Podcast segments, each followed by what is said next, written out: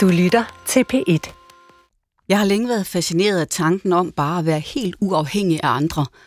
Da jeg var barn, for mange år siden, der oplevede jeg en aften, hvordan nogle mennesker omkring mig havde et meget voldsomt skænderi, og i det øjeblik, der indgik jeg sådan en lille pagt med, med mig selv, hvor jeg besluttede mig for, at det vigtigste var, at jeg altid kunne stole på mig.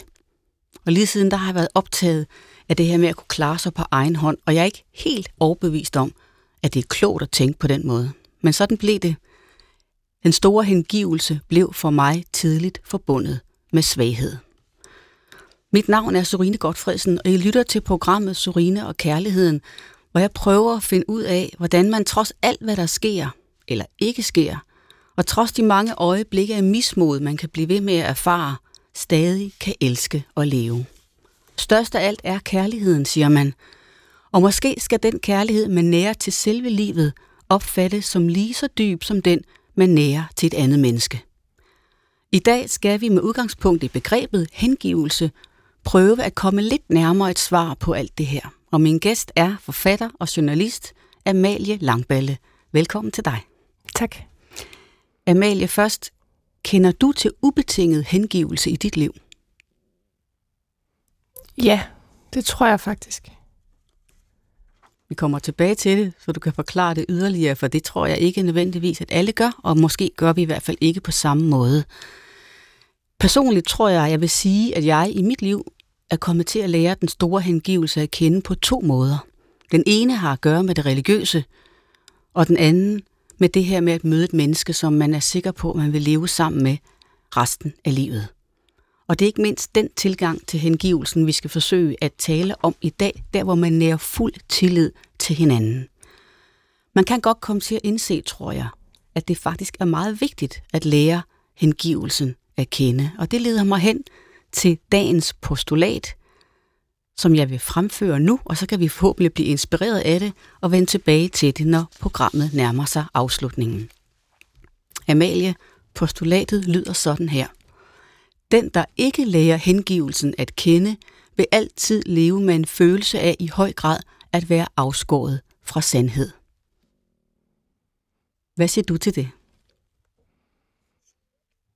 Uh, det, mm, det tror jeg sådan lige umiddelbart. Det er svært med sandhed. Sandhed er også et andet svært begreb, øh, og lige skal forholde sig til. Men det tror jeg godt, jeg kan tilslutte mig.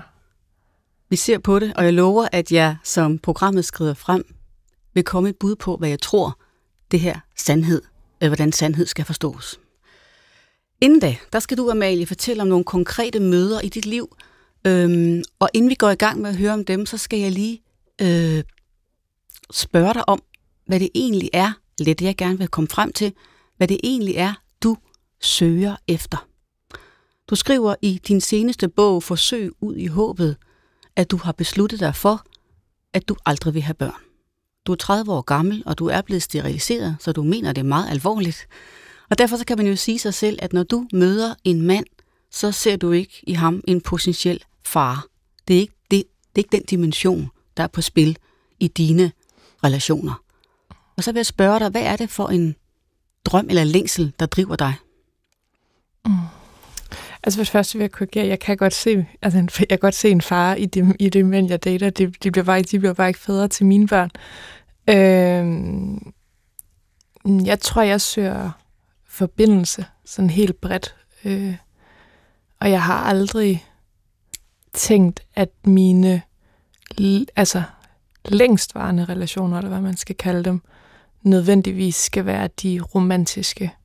Det er ikke forbundet med mig. Jeg synes, det er dem, jeg tænker på som mine livsvidner. Det er mine, nogle af mine veninder og, og min bedste ven.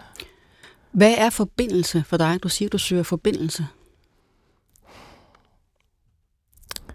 Det er jo en åbning. Altså det, det er, det, jeg synes, det kan fungere på to måder. Det kan fungere, hvor at man kan, som man, nogle af de ting, vi måske skal snakke om om lidt, de her øjeblikke, hvor at man selv åbner sig, og hvor en anden person står åben. Men det kan også være en, altså en lang, sådan en, altså, som er det nok mange tænker på, altså kærlighed som den der lange opdagelse, mm. at man hele tiden når dybere og dybere ind i nogen eller noget. Men hvad er, det, hvad er det, du gerne vil finde? Jeg ved ikke, om jeg egentlig vil finde noget, eller sådan, jeg vil bare gerne se, eller sådan, tror jeg egentlig altid, jeg er sådan, lever sådan et, har altid været sådan, der, der føler jeg, jeg har mere for at registrere ting, end for sådan at, at bygge noget videre, eller sådan, altså det er sådan en, øh, det, ja, det er mere sådan en, en bevidningsting for mig. Har du det sådan, nu siger du det med, at du gerne vil have livsvidner, og det er også virkelig vigtigt at have i sit liv, er jeg overbevist om. At, kan en mand ikke være det? Skal det være dine veninder, der er det, og ikke en mand? Altså, det kan det godt, men jeg tror, jeg har, jeg har været afklaret med mig selv, at det er ikke sikkert, det bliver det, fordi at når man vælger børn fra, så vælger man også, altså så vælger man også mange mænd fra. Øh, og det er ikke sådan, at der ikke findes mænd, der ikke vil have børn, og det er heller ikke sådan, at der ikke findes mænd, der har fået de børn, de gerne vil have, og så er den ene eller anden grund ikke er sammen med den, de har fået børnene med længere. Men sådan kan jeg jo ikke leve mit, altså sådan, jeg kan ikke leve mit liv efter den drøm, mm. føler jeg. Det, er jo, det, så, det vil være for meget ude af mine hænder, hvis min lykke skulle ligge i et eller andet sådan teoretisk scenarie. Ja, det er en interessant tanke, fordi det tror jeg nok de fleste menneskers tanke om lykke gør, ligger i et teoretisk scenarie. Men det kan vi nok vende tilbage til. Nu skal vi i hvert fald, øh, for at komme lidt nærmere ind på, hvad den her hengivelse betyder, så skal vi øh, høre om nogle af de her konkrete møder, du har haft. Og jeg skal lige for en god ordens skyld sige, at de navne, du giver de her mænd, er ikke deres rigtige navne. Så de her mænd, de optræder anonymt. Og vi skal begynde med ham, du kalder Frederik. Mm. Hvornår mødte du ham? Det er vel fem, fem måneder siden, eller sådan noget. Og vi så hinanden to gange. Du kalder det en ren sexaftale, ja. øh, du havde med ham. Når du laver sådan en, så tænker en som mig, det er måske også en dårlig idé. ja, hvorfor tænker, hvorfor tænker du det? Det gør jeg, fordi at hvis man søger, som du siger, forbindelse og en eller anden form for dy, dybere indsigt i andre, så er det måske ikke sex, der står øverst på listen, når man skal møde nogen.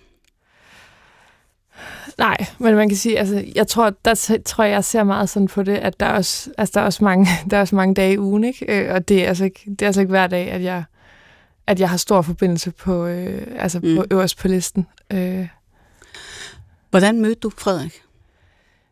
Vi begyndte at følge hinanden på øh, Instagram, og så begyndte vi at skrive sammen. Øh, og det var ret tydeligt, at der var en sådan bagtanke fra hans side i hvert fald.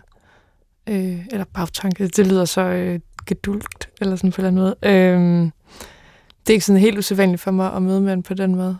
Øh, så vi fik ret hurtigt en aftale i stand, og så tror vi bare begge to fornemmede, at der var en, en seksuel kemi i hvert fald. Hvor mødtes I henne? Vi, vi når, altså, da, da vi så mødtes, så mødtes vi hjemme hos mig. Han kom hjem til mig i min lejlighed. Når du så ser sådan en mand første gang, kan du så med det samme fornemme, ham her kan jeg godt øh, stole på, eller få en eller anden form for relation til? Ja, det kan jeg. Øh, og har faktisk altid haft, man har også altid haft meget blind tillid, tror jeg. Øh, altså jeg, jeg er sådan vokset op med, med en mor, der altid, når der var, øh, hvis der var et eller andet fulderik i vejkanten, altså hun samlede dem op, altså hvor jeg nogle gange har siddet sådan, du ved, mor, jeg er 12, og du er en kvinde på 45 kilo. Hvis den her mand bliver ubehagelig, så kan vi jo ikke gøre noget. øh, så jeg har altid haft, tror jeg, bare sådan, været meget, altså i sådan nogle møder, altid været meget tillidsfuld. Hvad er det ved Frederik, for eksempel, da han træder ind ad døren, der gør, at du har den følelse? Det ved jeg ikke. Altså det, men, men det, det, det tror jeg, det er jo også en måde at bare gå igennem livet på, og jeg tror egentlig, de fleste mennesker vil mig det godt. Altså, jeg tror, jeg, sådan, jeg lever meget med sådan, at jeg tror på, de fleste mennesker vil, det, vil gerne gøre deres bedste, og de vil det gerne, og de vil gerne andre mennesker godt. Det er meget stik modsat det, jeg besluttede som barn. Ja. At jeg først og fremmest skulle stole på mig selv. Ja. Da, da, da så Frederik kommer ind i din lejlighed, og I begynder at tale sammen, hvad er det så, øh, hvad, hvad, hvad siger I til hinanden, som gør, at du har en fornemmelse af, at I virkelig kan kommunikere? Jeg, altså, tror vi, altså, normalt, når jeg har den her slags møder, øh, og nu vil jeg også sige sådan, altså jeg har ikke, jeg har ikke valgt Frederik, fordi det var sådan helt, helt, helt exceptionelt unikt, men fordi at jeg synes, det er noget af det, øh, når vi taler om dating og kærlighed og sådan noget, at så synes jeg, at fordi der er så mange, der er opsatte på det lange, at så, øh, så, så glemmer vi at værdsætte det korte, som jeg synes også har en masse mening i sig. Så altså, Frederik var ikke, altså sådan, han, han er sådan en type møde, som jeg ikke har ofte, men som jeg har en gang imellem. Og jeg sætter altid enormt stor pris på, når det udvikler sig på den måde, fordi normalt har man jo en samtale, som, altså så har man sådan næsten sådan en skinsamtale, hvor man sådan, altså man kan jo man kan jo ligesom mm. ikke bare træne døren og begynde at, at tage tøjet af, eller det fungerer i hvert fald som regel ikke helt, helt godt. Men du, du, du har selv nævnt, at du faktisk følte, du kunne betro dig til ham. Hvad, ja. hvad betroede du ham? Jamen, jeg ved ikke engang om... Altså, vi, altså, vi snakker virkelig øh, altså bare lang tid. Og så om snak, hvad? Jamen, øh, det er sådan en samtale, hvor man, man tror, man skal starte med, at altså man, man falder ind i samtalen på en måde, som ikke lige pludselig handler det ikke om, og det er helt fra start af, fordi man kender godt den anden samtale, som er, og hvad laver du, og mm. hvor kommer du fra, og sådan noget. Og sådan, der starter vi bare ikke, og i stedet for, så begynder det at handle om, jamen så er det sådan noget, hvornår onanerede du første gang som barn, eller sådan, hvad fandt, altså hvad, hvad, hvad sådan, det, det blev meget en, altså en sådan samtale om, om seksualitet, men også hvor, altså det kan jeg jo så ikke sidde og gengive, men hvor han sagde nogle ting, hvor han bare var sådan, det er altså første gang, jeg siger det her til nogen. Øhm, som bare var enormt meningsfuld, og jeg tror, det er sådan, det, det sætter jeg enormt stor pris på, når det sker, fordi at altså, Frederik er, han er måske, er han nærmest 20 år ældre end mig? Ja, det kunne han godt efterhånden være. Øhm, eller det, det har han været hele tiden, kan man sige. Men at, at møde en, der, der lige, hvor man ser så meget af sig selv, eller hvor man lige pludselig, hvor man tænker, gud, vi havde ingenting til fælles andet end den her seksuelle kemi. Og så lige pludselig, så er der den der forbindelse af, du forstår mere af mig, og jeg forstår mere af dig, end jeg lige havde regnet Er der noget i dig i løbet af sådan en samtale, der siger, øh, det her det er ubehageligt, det, det skal stoppes, det bliver alt for intimt, alt for hurtigt? Nej. Nej. Hvad tænker du i stedet for? Forestiller du dig, ham her kan jeg komme til at kende i lang tid, eller er det bare lige nu, det gælder? Jeg tror, det er i den situation, der har jeg bare en oplevelse af, at, at vi på en eller anden måde snyder tiden, øhm, sådan så at man kan, man kan tage noget ud, og øh, altså, at, at det der øjeblik kommer til at stå som noget meget særligt. Og det er ikke fordi, og det er netop ikke fordi, at jeg sådan tænker, når skal vi være venner mm. igen, eller sådan noget. Jeg tror meget mere, jeg tænker, når øh, eller skal du ved, netop sådan, skal vi, skal vi, så, du ved, skal vi så gå hånd og hånd igennem livet, eller sådan, sådan tænker jeg det ikke. Jeg tænker, Gud, men næste gang jeg ser dig, så er det ikke engang sikkert, at vi skal hilse på hinanden. Det kan være, at jeg bare ser dig igennem en eller anden menneskemængde eller sådan noget. Men, når, Men så ved jeg, at vi har haft det her. Ja, og, og når du, øh, det, det er virkelig mystisk for mig det her. Jeg vil meget gerne, jeg vil meget gerne forstå det. For når du har sådan et isoleret, intenst øjeblik med en mand, du overhovedet ikke kender, hvordan kan du vide, hvad er det, der gør, at du føler dig overbevist om, at det har en reel værdi, og ikke bare er et overfladisk øjeblik trukket ud af tiden, som du selv siger? Hvorfor betyder det noget? Mm. Altså, den, den hårde sandhed er vel, at det ved jeg heller ikke. Det beslutter jeg mig jo for, det gør. Eller sådan. Altså det, det, der, det, der så er argumentet for, at, at jeg, kan, altså, at jeg i hvert fald kan forsvare det over for mig selv som værende meningsfuld, er jo, at jeg kommer til at huske det.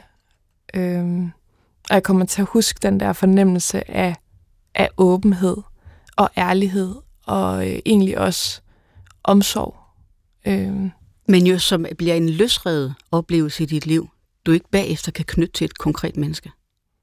Mm. Ja, mm. vel egentlig. Ja. Eller, ja. Hvad udvikler det sig til? Øh, bliver han der, eller hvad sker der?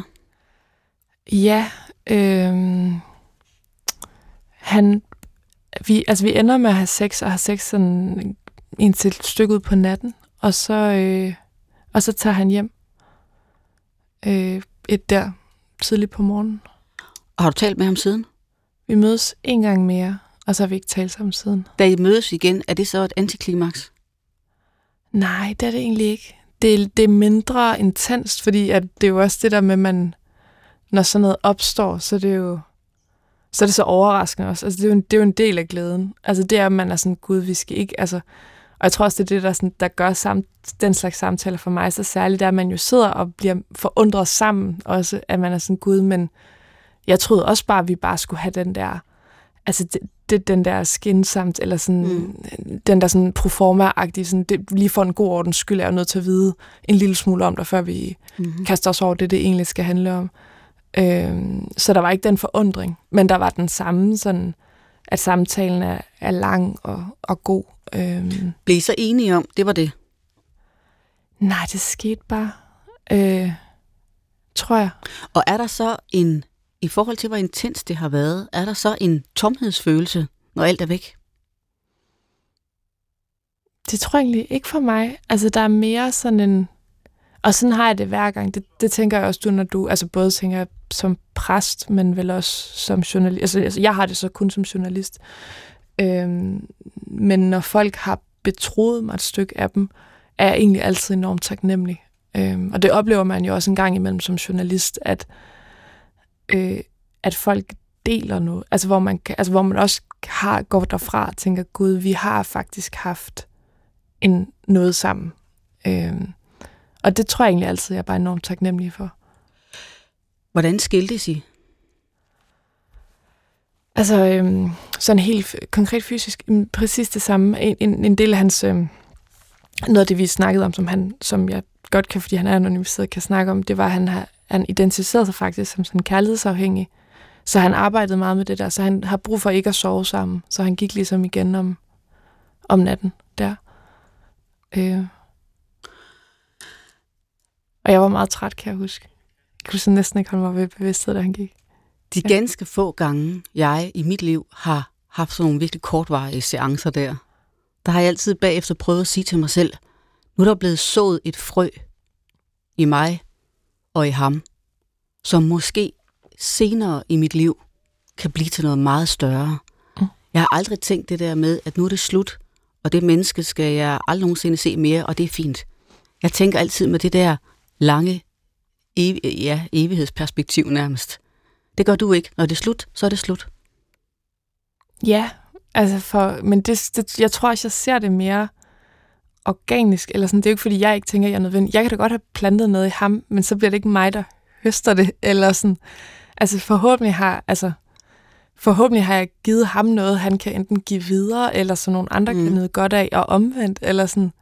Altså, jeg, jeg ser ikke, altså, jeg tror ikke, jeg ser det så sådan, altså, koncentreret, eller sådan, det, på samme måde med de forhold, jeg har haft og sådan noget, at jeg også, jeg er så taknemmelig, selvom det så ikke skulle være os, fordi at jeg synes, de har givet mig noget, og, og forhåbentlig også omvendt. Altså. Lad os gå videre til det næste, som du kalder René. Og, øh, og inden vi lige øh, tager fat på ham, så skal vi lige fortælle, at du på det tidspunkt havde oplevet noget meget ubehageligt. Og det må du heller lige selv fortælle, hvad? Øh, ja, jeg havde... Øh, apropos det der med, hvordan, om jeg ved, når, når folk, altså når jeg, når jeg åbner døren ind til sådan et tilfældigt møde, om jeg, om jeg ved, øh, at, at, at jeg kan have tillid til den her person, der havde jeg nok fejllæst en situation, øh, og var taget hjem til en, som jeg kendte meget, meget perifært, men, men dog havde mødt øh, før i, ja, øh, og så kommer jeg hjem til ham, og vi begynder at have sex, og det går op for mig, at jeg skal ikke, jeg skal ikke have sex med ham. Øhm, og, det, og så da jeg ligesom begynder at klemme på, og sådan noget, trækker han mig tilbage i sengen og, øh, og prøver at have sex med mig alligevel. Øhm, indtil han til sidst lader mig gå. Men det udvikler sig ligesom til sådan lidt håndgemæng-agtigt. Øhm, og det var jeg naturligvis meget påvirket af øh, bagefter, og sådan kalder det date seksuelt overfald, fordi mm. at det er, sådan, det er så svært at finde nogle rigtige ord for det, men det, det indrammer det meget fint. Øhm. Og det har selvfølgelig ligget som en eller anden skygge i din, i din bevidsthed i nogen tid? Ja, og jeg var så, Øh, og det, det er derfor, jeg, jeg tog René med, fordi jeg havde sådan en, jeg havde heller jeg havde mistet min mor sådan et halvt år tidligere, og sådan en af de ting, jeg ligesom synes jeg stadig havde, som ligesom gav mig glæde. Det var sådan det der, altså det der med bare sådan at kunne blive være krop og have sex, og, sådan, og, så, og så havde jeg den der oplevelse, at jeg var sådan, ej, det, det er bare ikke blevet taget fra mig. Den der sådan umiddel, altså som, som jeg synes jo, altså det erotiske kan, altså den der umiddelbarhed, og sådan at du, at du, det er så kemisk, ikke? Altså sådan en orgasme er jo bare sådan, den er så kemisk, og sådan, altså, og sådan den, den om, den kan ligesom, for mig ligesom, den kan omgå alt, alt andet, der er i dit liv, ikke? Øhm, og jeg var så sådan, jeg kan huske, jeg var så sur, altså det, det var jeg så sur på ham over, at, at lige pludselig så havde jeg den der, øh, det der forbehold. Øh, og, til, og jeg tænkte sådan, gud, skal jeg, skal jeg til at gå og være bange for mænd? For det har jeg heller aldrig. Jeg, også, jeg har altid haft den der, at jeg kunne tage med folk hjem. Om no, jeg kan huske, at jeg var yngre, og mine veninder var meget sådan, er du ikke bange for, at du bliver slået ihjel? Og sådan noget, var jeg sådan, nej, det er jeg altså ikke, fordi det, det er, sådan er folk ikke. Øh, og jeg tænkte sådan, ej gud, skal jeg ligesom skal jeg nu til at bære det her tillidsbrud med mig gennem hele livet? Altså. Hvor, lang, hvor lang tid havde du en fornemmelse af, at du kunne have mistet den tillid? Ja, det, det kan faktisk, altså sådan tid på det tidspunkt for mig er sådan en virkelig abstrakt størrelse. Øhm, men ikke lang tid, altså fordi René, altså sådan, at det, altså nu, nu kommer jeg til at lyde som om, at, at man kan kurere ting med sex. Det kan man virkelig ikke. Det, det, det er ikke det historien. Men, men du mødte René? Men René kendte jeg faktisk fra før. Han var en, jeg sådan havde set øhm, sådan et par gange før, at, at jeg havde været udsat for det der. Øhm, og da vi så... Og han bliver så sådan, fordi jeg sådan, ligesom, jeg vil jo gerne tilbage i, i jeg vil ligesom, jeg vil gerne sådan have på en eller anden måde den kropslige glæde tilbage, som, som jeg havde før. Øh, og det er lidt tilfældigt, jeg kan ikke huske, hvem der sætter aftalen i stand, men, men vi mødes ligesom. Øh, og så gik det op, altså sådan, så da vi skulle have sex, øh, som, altså, og det var, øh, det var det, vi lavede. Altså, vi, vi, mm. vi havde sådan set bare sex, men så havde han, altså havde vi virkelig hård sex, og det, det havde vi måske nogle gange, det, eller det, det havde vi også før det, men så havde vi hård sex på en måde, hvor han øh, tager kvælertag, og det havde, øh, det var også sket under det der overfald. Øh, og så mister jeg faktisk bevidstheden, mens René gør det. Øh, og, jeg, og, sådan, og da jeg vågner, at altså ligesom kommer til mig selv igen, så kan jeg bare mærke, at det der med at kunne give mig hen til noget, der var så voldsomt, men ikke være bange. Altså, ikke være bange for, at altså sådan, vågner jeg det, eller sådan, vågner jeg det, eller bliver, eller sådan, men vide, at det her, det her som jo på en eller anden pervers måde var lidt en genopførelse af det, jeg havde, altså jeg lige havde oplevet, men fordi at jeg sagde ja til det, var det ligesom om, at jeg sådan kunne, jeg følte mig som sådan et, lidt som sådan et VHS-bånd, hvor man lige kunne spille, altså man kunne spille en lidt bedre version hen over noget. Var det med fuldt overlæg, at du ønskede at opleve det samme igen? Nej, det udviklede sig bare sådan, altså det var slet ikke, det var ikke noget, jeg havde, jeg havde ikke talt med René om, at jeg havde været udsat for det der, jeg havde ikke, altså det var ikke fordi, der var intet i det der møde, som var tilrettelagt med det formål overhovedet. Øh, Vidste men, han godt, hvad du havde været ude for? Nej. Nej, nej. Vi havde bare sådan en helt almindelig møde. Øhm, og jeg, jeg ved faktisk ikke engang, altså jeg, jeg sagde det, jeg tror, jeg sagde det heller ikke til ham bagefter. Jeg er i tvivl, om jeg nogensinde har sagt det til ham faktisk. Altså, men det var sådan ligesom om, at den der sådan helt konkrete oplevelse, er jeg sådan stadig ekstremt taknemmelig for, og jeg er ekstremt taknemmelig for sådan, at at han kunne skabe et, et så tillidsfuldt rum, eller at vi sammen kunne skabe det. Lige da det skete, og du sådan kom til dig selv igen, hvad var din tanke? Jamen, jeg var bare enormt rolig. Altså, jeg var sådan, det var enormt fredfyldt. Øh, og det var sådan særlig... Øh, jamen, det var en særlig forbundethed. At det var sådan ligesom... Altså, at, at jeg virkelig følte, at jeg havde fået Altså, jeg altså nu her i, i de her øh, i de her tider, hvor man snakker om, om hvad, hvad, hvad man kan og ikke kan, hvis man er til sådan lidt, lidt øh, afvigende sex. Øh, men jeg var simpelthen, altså, øh, jeg følte virkelig, at jeg havde fået en gave. Altså, virkelig. Nu siger du til mig, at han ikke var klar over, hvad du havde været ude for. Havde du ikke trang til at fortælle ham det, så du kunne takke ham for den gave? Mm, jeg tror ikke, altså, i det øjeblik, jeg, jeg var selv et sted, hvor jeg ikke rigtig, altså hvor jeg ikke selv kaldte det, hvad det var. Eller, eller jeg, var, jeg var selv i gang med at, at se, om jeg kunne, altså, der, der gik også, der, der gik et, et halvt år eller et år, før jeg sådan begyndte at snakke med, med alle mine veninder om det, og sådan i tale sætte det som, altså, som et overfald og sådan noget, så sådan, jeg tror, jeg har haft trang til det siden, men, men i sådan den konkrete situation, der, der, der havde jeg det ikke. Det er fordi umiddelbart, så vil jeg mene, at hvis, når du virkelig, du hengav dig jo til René på sin vis, i hvert fald kropsligt, men den ultimative hengivelse til ham ville jo være at betro ham også, hvor bange du havde været inden, og hvad du havde været ude for. Så sådan åndeligt hengav du dig vel ikke til ham. Det var mere sådan din egen lille, dit eget lille eksperiment, du havde gang i, ikke? Jo, men, men det er også, altså sådan, det var jo ikke et eksperiment. Jeg vidste, altså jeg vidste ikke, at det var, altså, jeg vidste ikke, hvad det var, før det, altså før det, før det var sket. Øhm, så sådan, det, det var ikke, fordi jeg ikke, tror jeg, det var det måske, men jeg havde i hvert fald ikke, jeg kunne ikke sige det over for mig selv jo, så jeg havde heller ikke kunne sige det over for, altså til ham. Efter den oplevelse, følte du så, at du havde fået, fået din fulde tillid til mennesket tilbage?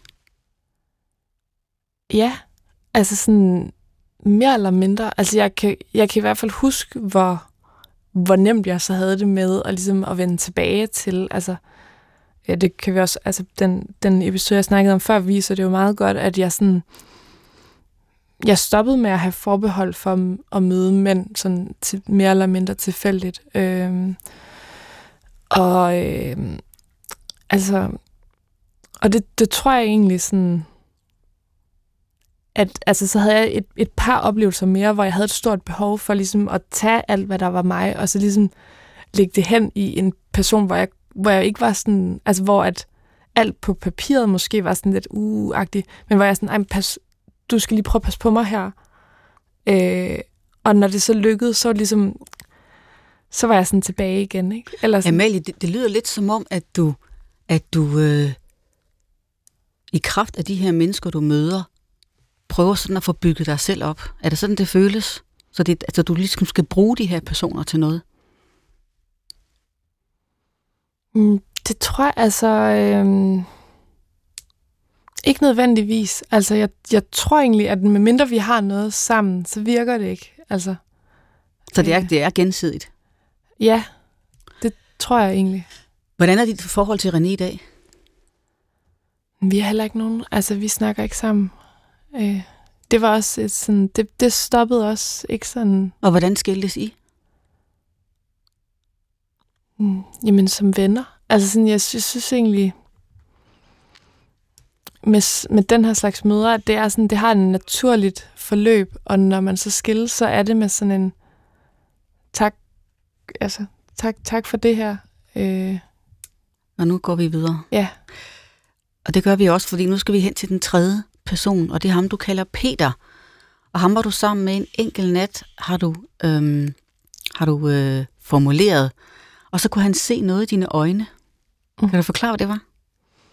Ja, altså vi havde... Øhm, vi, vi var, jeg, kender, jeg kan faktisk ikke engang huske, hvorfor vi var på hotel, men det var vi. Øhm, og så på et tidspunkt, jeg er ligesom på vej jeg er på vej enten ud på toilettet, eller på vej tilbage fra toilettet, for jeg kan ligesom huske, hvordan jeg står, han sidder i sengen. Og så kigger han på mig, og så han sådan, du minder mig faktisk om hende, og så giver han et eller andet navn på en, han kender, og så siger han, men jeg tror egentlig bare, det er, fordi I har de samme triste øjne. Og vi havde også haft sådan en aften, hvor at der var en masse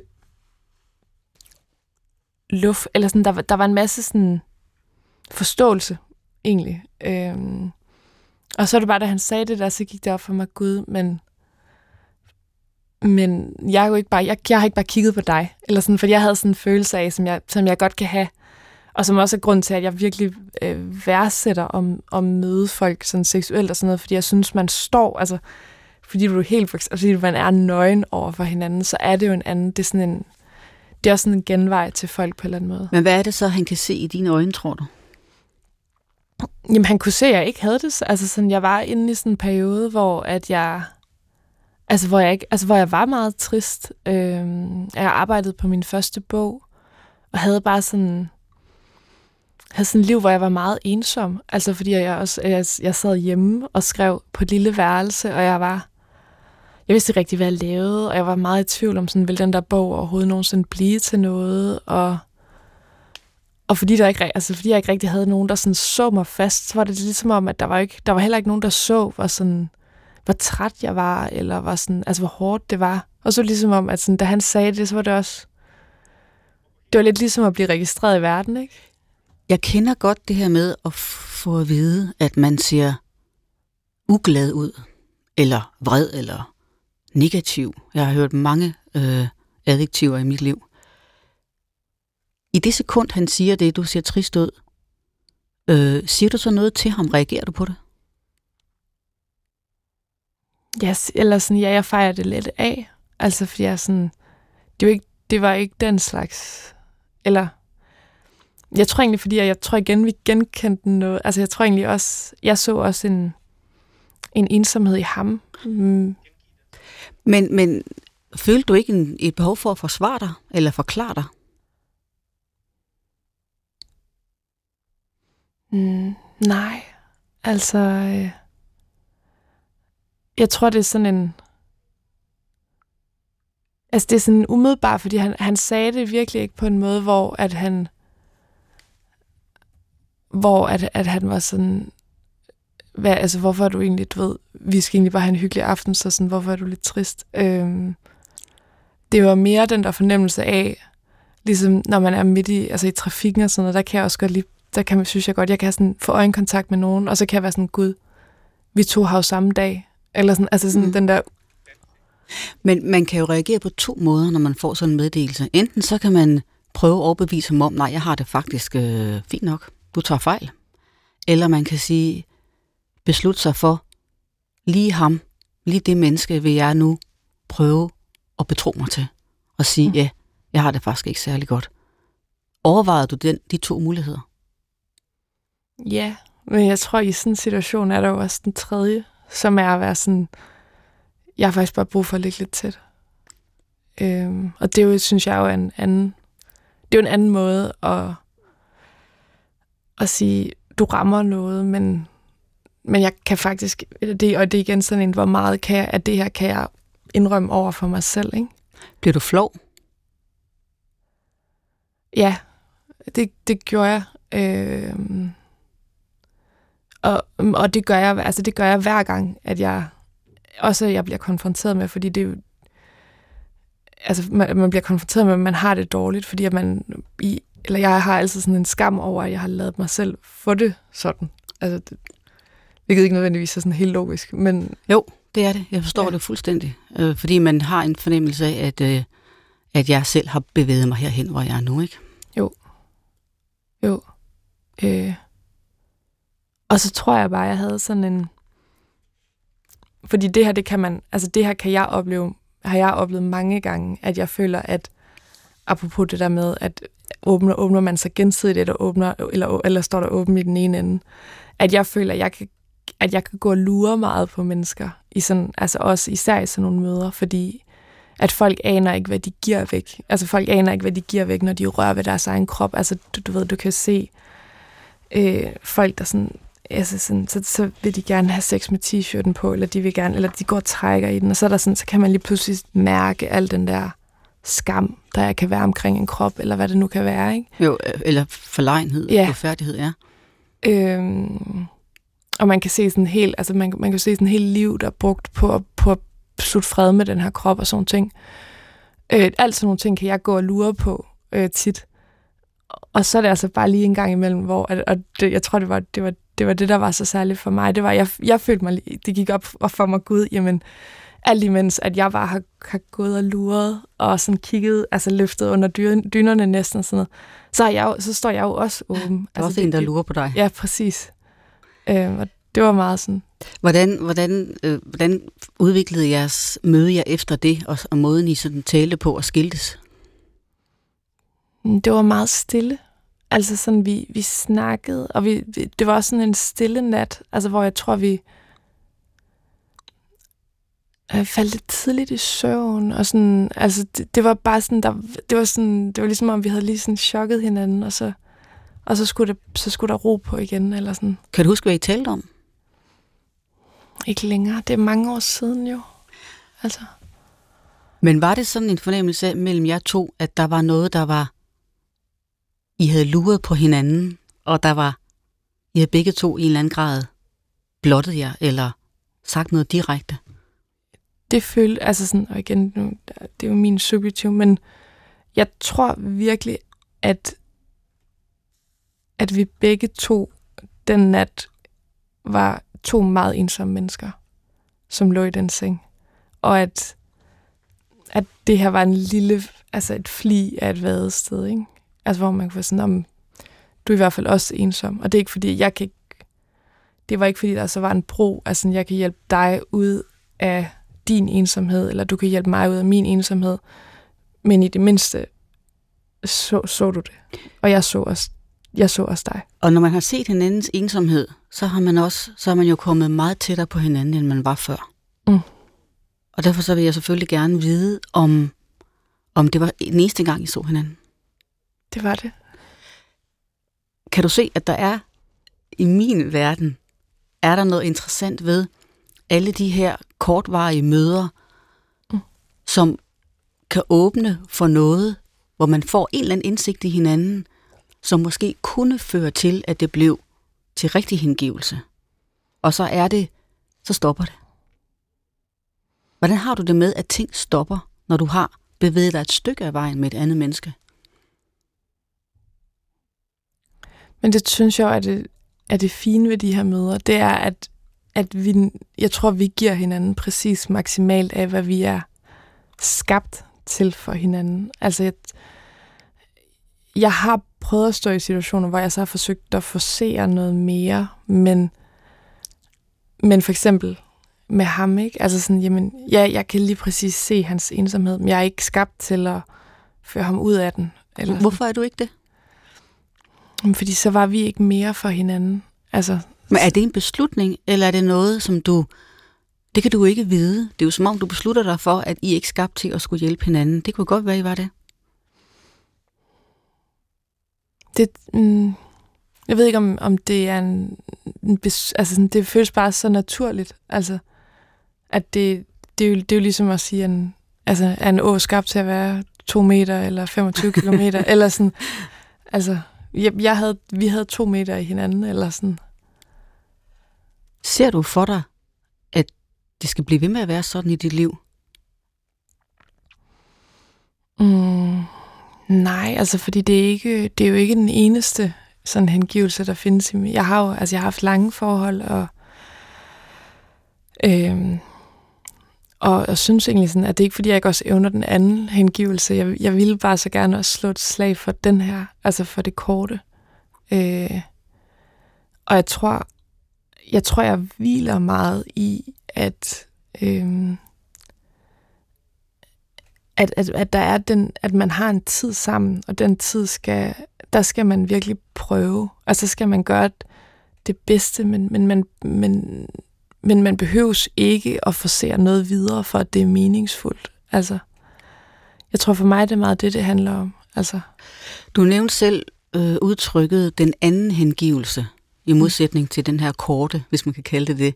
Hvad er den anden, hvis du skal beskrive den, der er noget andet end det, du nu har beskrevet for os? Det er jo den, hvor man bliver, eller hvad man skal sige. Øh, Og hvad sker der, når man bliver? Jamen,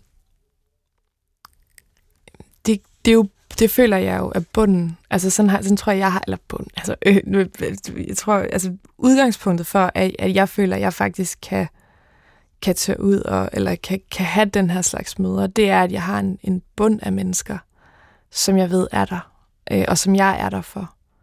Øh, og det er dem, der, der sætter mig menneskeligt i stand til at kunne nogle, altså til også at kunne, kunne være der kort, eller se, eller sådan, det, det er ligesom, og der er det jo, der, der, der, der er det jo sådan der, der skal man jo Altså, der skal man jo elske at tilgive, og det er jo det, er jo det den, den lange hengivelse, der er den anderledes. Det handler ikke om bare at se, det handler om virkelig at være, og det handler om, om at vælge hinanden igen og igen og igen og igen. Ikke? Ja, øh, på trods af alt muligt. I starten af, af programmet her, der sagde jeg det her med, at jeg som lille havde besluttet mig for, at det er godt at være uafhængig af andre, fordi man kan først og fremmest stole på sig selv.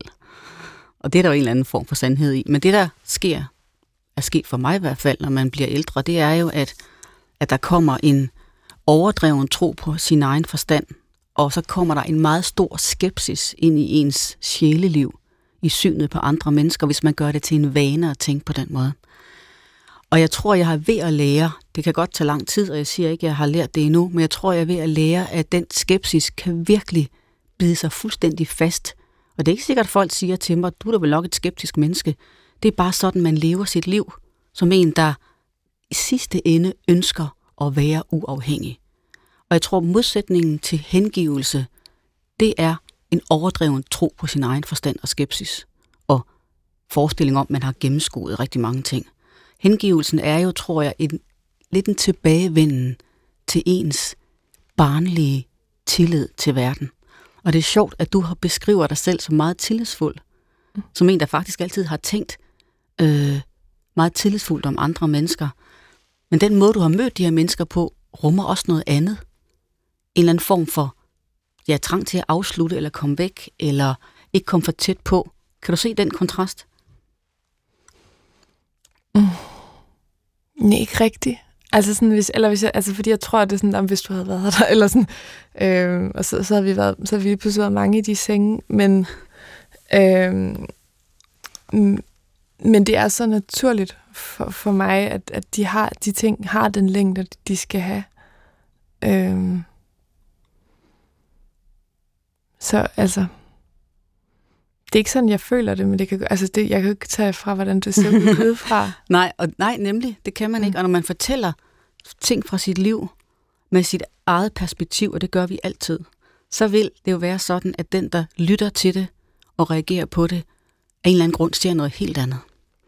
Og nu skal jeg ikke sidde og lyde bedrevidende, fordi jeg er ældre end dig, men det er, med den her, det er den fornemmelse af, at hengivelsen er øh, som jeg sagde før, en slags tilbagevenden til det barnekår, man havde, for man var helt lille. Og jeg indledte også med at sige det her med, at jeg har oplevet det i det religiøse, og jeg har oplevet det i forhold til den mand, jeg er gift med nu, at man bliver i en eller anden grad vendt, sat tilbage til der, hvor man er nødt til at nære fuldstændig tillid til, at der er noget godt, og at der er nogen, der passer på en. Og jeg vil meget gerne lige citere et salmevers for dig. Og det vil jeg gøre, fordi at Grundtvig har skrevet, Grundtvig skrev salmer til sig selv, også til os, men også til sig selv, når han var, ikke mindst når han var deprimeret og manglede tillid til verden og tro på, at man kan hengive sig.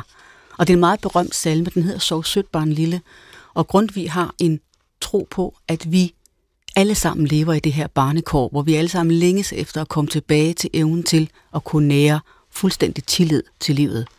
Og nu vil jeg bare lige citere det sidste vers. Mm. Sov sødt barn lille, lig rolig og stille, og nynd på det navn med nåden i favn. Al jorden til salighed givet. Nynd, Jesus er min, så farver og så fin. Min Jesus er lyset og livet. Og Grundtvig var jo religiøs og troede på Jesus som sandheden. Og det jeg prøver at komme hen til, det er, at det kan være godt at gøre sig den tanke, at man skal tilbage til den her ubetingede hengivelse, som skal vare altid. Har du en længsel efter at være så tillidsfuld som et lille barn, der ligger og har nåden i sin favn, som Grundtvig skriver, altså har troen på, der bliver passet på mig altid, sammen med et andet menneske her i verden? Mm.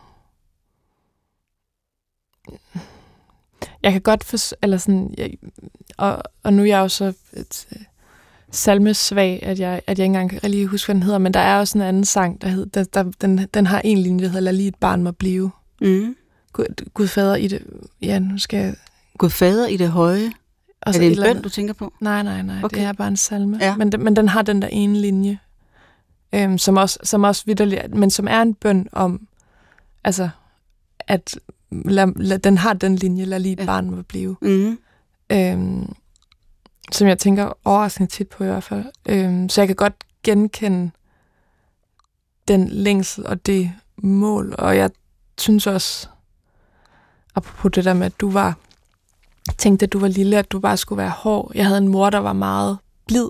Øhm, og jeg, især da jeg var teenager, jeg var så træt af det der med, at hun kunne græde. Altså sådan, hun, hun, hvis hun følte noget, eller sådan, altså hun kunne ligesom, hun var så, jeg havde den der følelse af, at hun ikke havde fået noget panser. Altså at vi andre, vi havde ligesom gået og groet noget hård hud.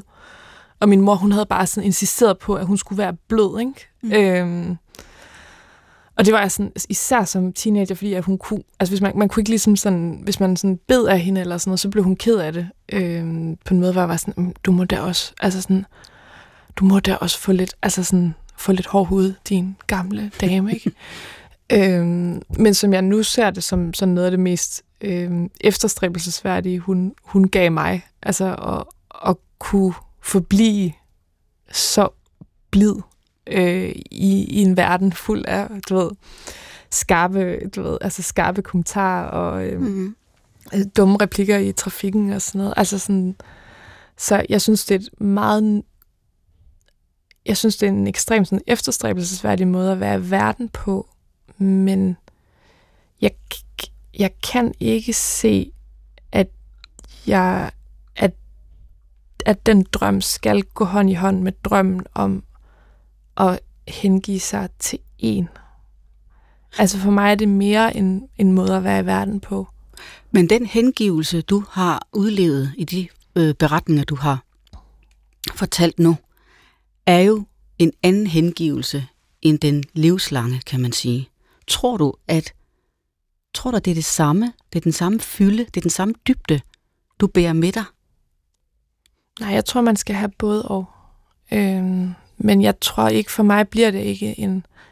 Det bliver min bedste ven og min bedste veninde, som er dem, jeg er dedikeret til, og som nu er jeg jo kun 30, men, men vi har ved Gud allerede, ligesom synes jeg, haft vores øh, sådan, altså vores tests, eller hvad man skal sige, at, at, at der har, altså, vi har virkelig været nødt til at vælge hinanden til.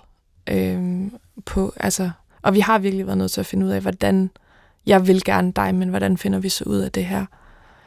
Og det tror jeg er meget essentielt. Altså jeg tror, det er et form for anker, man, man har brug for. Sidder du, sidder du og siger til mig, at forestillingen om hengivelsen i det livslange parforhold eller ægteskabet er en fortælling, du dybest set ikke helt kan bruge til noget i dit liv?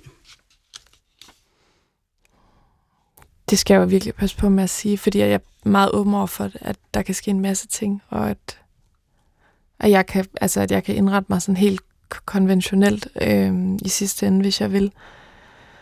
Men, men jeg, jeg synes, det ville være så fattigt, hvis det var den eneste løsning. Eller sådan, altså, forstår du, hvad jeg mener? Ja, det gør jeg. Ja. Og jeg tror bestemt heller ikke, det er den eneste løsning. Mm. Øh, jeg har levet alene i 30 år her indtil for ganske nylig, så det tror jeg helt sikkert ikke er den eneste løsning. Men jeg tror på, at oplevelsen af vide, der er et menneske, jeg ønsker at være sammen med altid, har en, har en dybde i hengivelsen på en anden måde end andre relationer. Også fordi, at man ved, at en ting er, at man elsker højt, men at man kan ikke gå. Man skal beslutte sig for det, og så bliver man.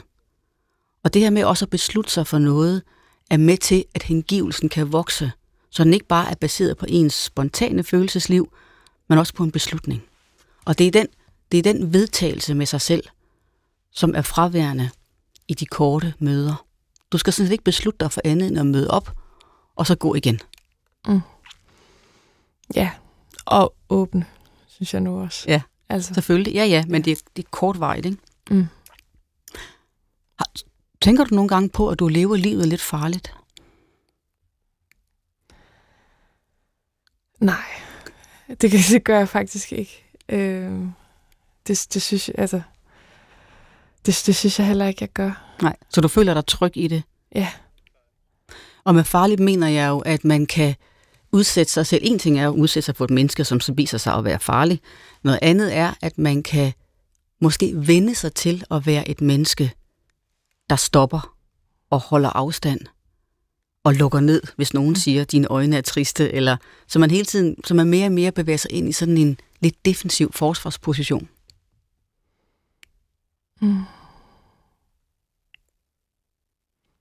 Jo, altså sådan på den måde måske. Altså fordi jeg kan, jeg tror,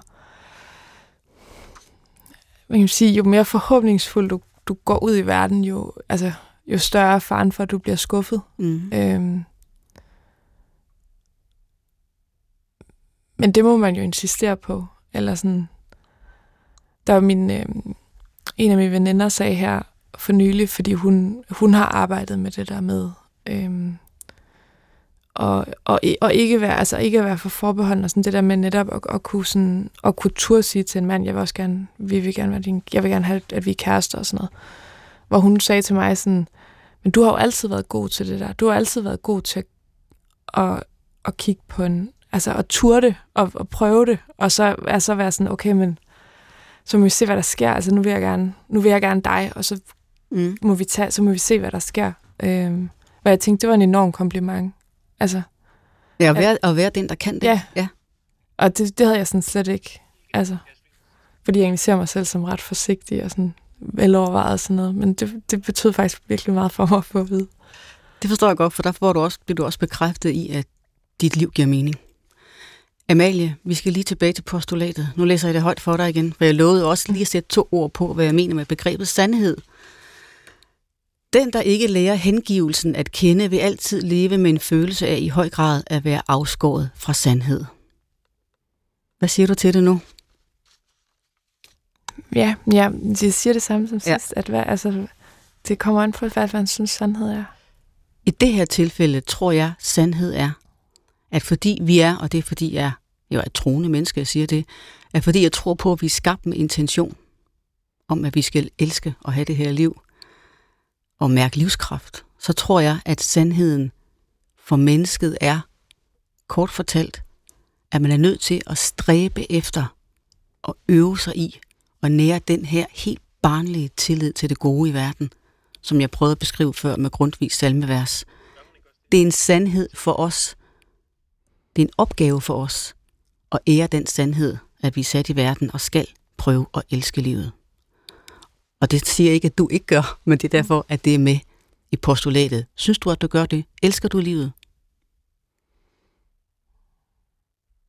Det meste af tiden, tror jeg. Altså, ja, det, det altså sådan, jeg, jeg vil faktisk, jeg vil faktisk give mig selv en rimelig høj karakter her. For det er jo præcis det, man er bange for, tror jeg, hvis man får at vide, at man har triste øjne.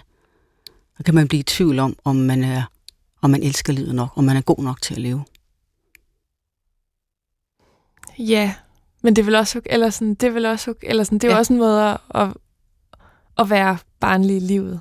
Altså, det vil da også have trist, det er da også at vedstå sig de triste øjne, eller sådan. Helt bestemt. Og når jeg spurgte, spurgte dig før, om du blev flov, mm. da han sagde det, så er det jo fordi, jeg tror, vi har en, jeg tror, vi har en grundlæggende sans for, når vi øh, er på en skæv kurs, eller vi ikke bestræber os nok for at nå frem til den der sandhed, som er at prøve at elske livet. Men selvfølgelig har vi alle sammen triste øjne en gang imellem. Mm. Amalie, vi er på vej til at, øh, at være færdige. Hvis du ser tilbage på den, det ting, du har fortalt mig nu, er der så hengivelse i det for dig, en du bærer med dig som styrke? Det synes jeg. Hvordan føles det? Det, altså det, nu, nu har jeg ligesom talt om det før, men det er altså sådan en ret dyb fornemmelse af taknemmelighed. Mm. Det synes jeg er en meget, meget smuk øh, udgangsreplik for dig. Så. Og jeg skal sige farvel og tak for denne gang. Tiden er gået. Tak, Amalie Langballe, for at have været min gæst i dag. Øh, programmet er udviklet af min producer Mikkel Clausen og mig selv, og øh, den kan sammen med de andre afsnit høres på DR Lyd. Tak fordi I lytter med.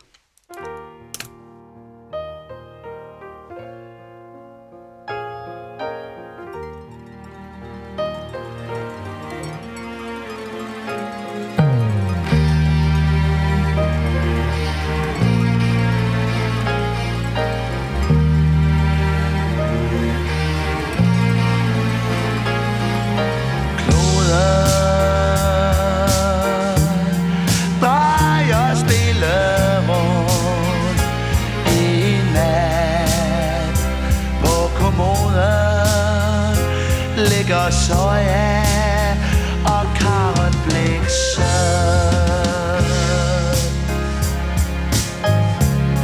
Månen skinner helt på din kind.